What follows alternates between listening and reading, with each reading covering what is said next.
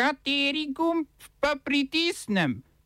Tisti, na katerem piše OF. Ponovni zračni napadi Izraela na Gazo in zborovanje skrajnežev v Jeruzalemu. Juneteenth, dan osvoboditve sužnjev, postal nacionalni praznik v ZDA. Opozicija v Peruju izpodbija zmago Pedra Castilla na predsedniških volitvah. Marjan Dikaučič potrjen za novega pravosodnega ministra. V kulturnem offsajdu ničle in enke na festivalu radikalnih teles Spider.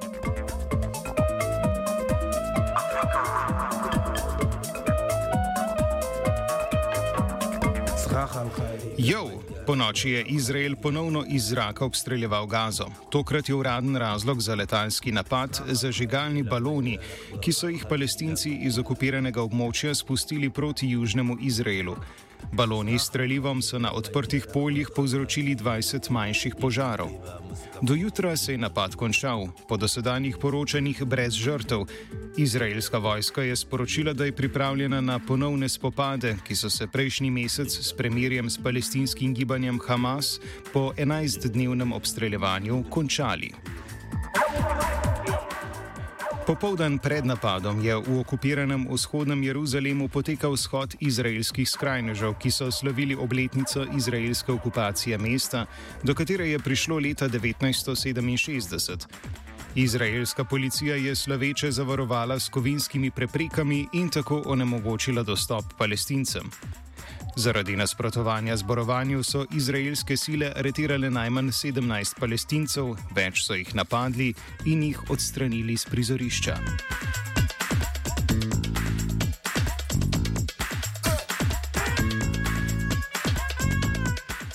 Ameriški senat je soglasno sprejel zakon, s katerim bo 19. juni, dan imenovan tudi dan Juneteenth, na katerega je bil v Teksasu leta 1865 razglašen konec suženstva, imenovan za nacionalni praznik.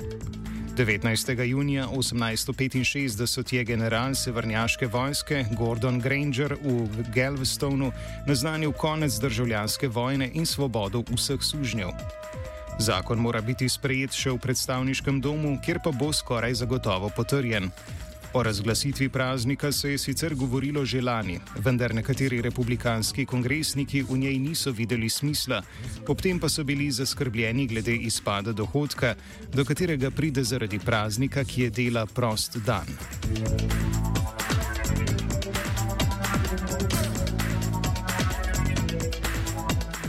Potem, ko so bili prešteti vsi glasovi predsedniških volitev v Peruju in je socialistični kandidat Pedro Castilla razglasil zmago, opozicija trdi, da rezultati niso točni.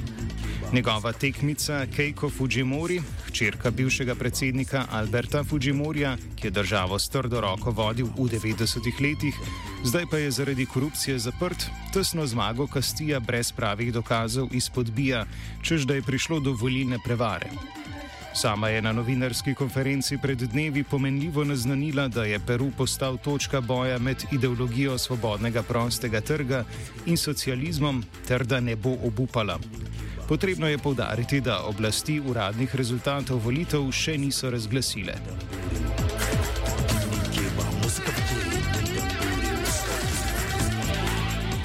Sodišče Evropske unije je odločilo, da lahko vsaka članica sproži pravni postopek proti Facebooku in podobnim spletnim podjetjem glede varovanja osebnih podatkov.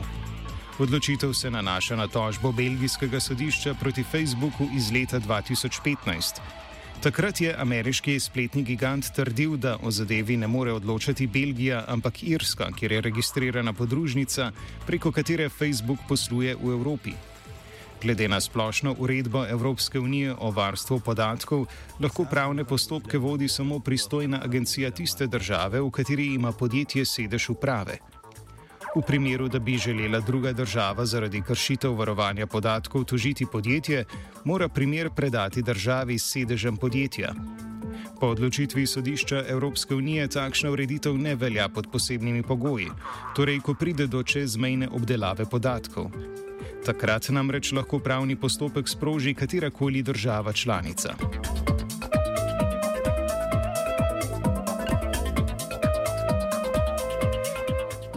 Evropska komisija desetih največjih bank, med drugimi JP Morgan, Citigroup in Bank of America, ni povabila k sodelovanju pri prodaji obveznic v okviru instrumenta za okrevanje Next Generation EU vrednim 750 milijard evrov. Evropski uniji bo s tem instrumentom omogočeno, da si za ukrepe v obdobju med letoma 2021 in 2024 z izdajo obveznic izjemoma sposodi do 750 milijard evrov. Evropska komisija je izločila banke, ki so bile v preteklosti obtožene monopolnega delovanja in neupoštevanja evropskih pravil o konkurenci. Oba, če, če bom odgovoril na angliški.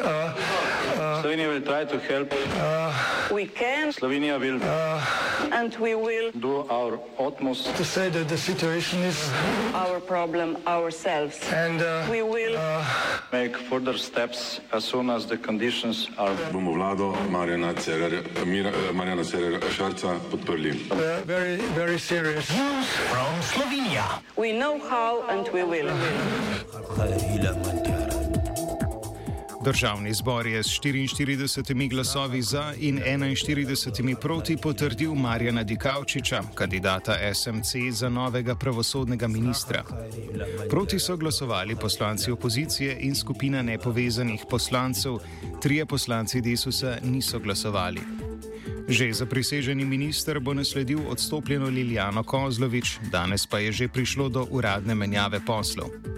Dikaučič sicer na zaslišanju pred pristojnim odborom ni želel komentirati zadeve, zaradi katere je Kozlovič odstopila, torej zapletov pri imenovanju delegiranih EU tožilcev.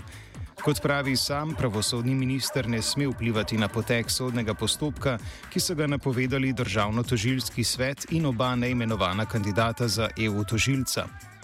Glavni očitki opozicije se dotikajo nekompetentnosti novega ministra in njegovih povezav z delovanjem slamnatih podjetij.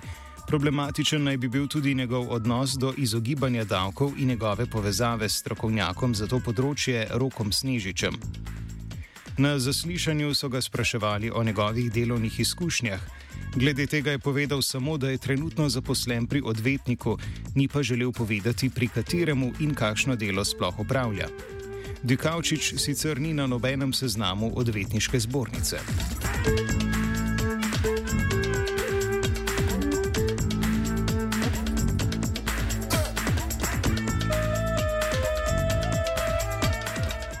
V sojenju v zadevi Tež je General Electric, ki je pred sedmimi leti prevzel Alstom, dobavitelja tehnološke opreme za Tež 6, priznal krivo pomoč pri zlorabi gospodarskega položaja na veliko premožensko škodo Teša. Družba bo morala plačati 23 milijonov evrov kazni, ob tem pa poravnati tudi sodne stroške v višini 50 tisoč evrov. Vsakršne očitke o domnevnih nepravilnostih pri gradnji Teša pa je na predobravnavanem roku na celskem sodišču zavrnil prvo obtoženi in nekdani direktor Teša Uroš Rotnik, ki skupaj z desetimi so obtoženimi krivde ne priznava. Rotnik je bil v času gradnje direktor, bremenita ga kazniva dejanja zlorabe položaja in pranja denarja.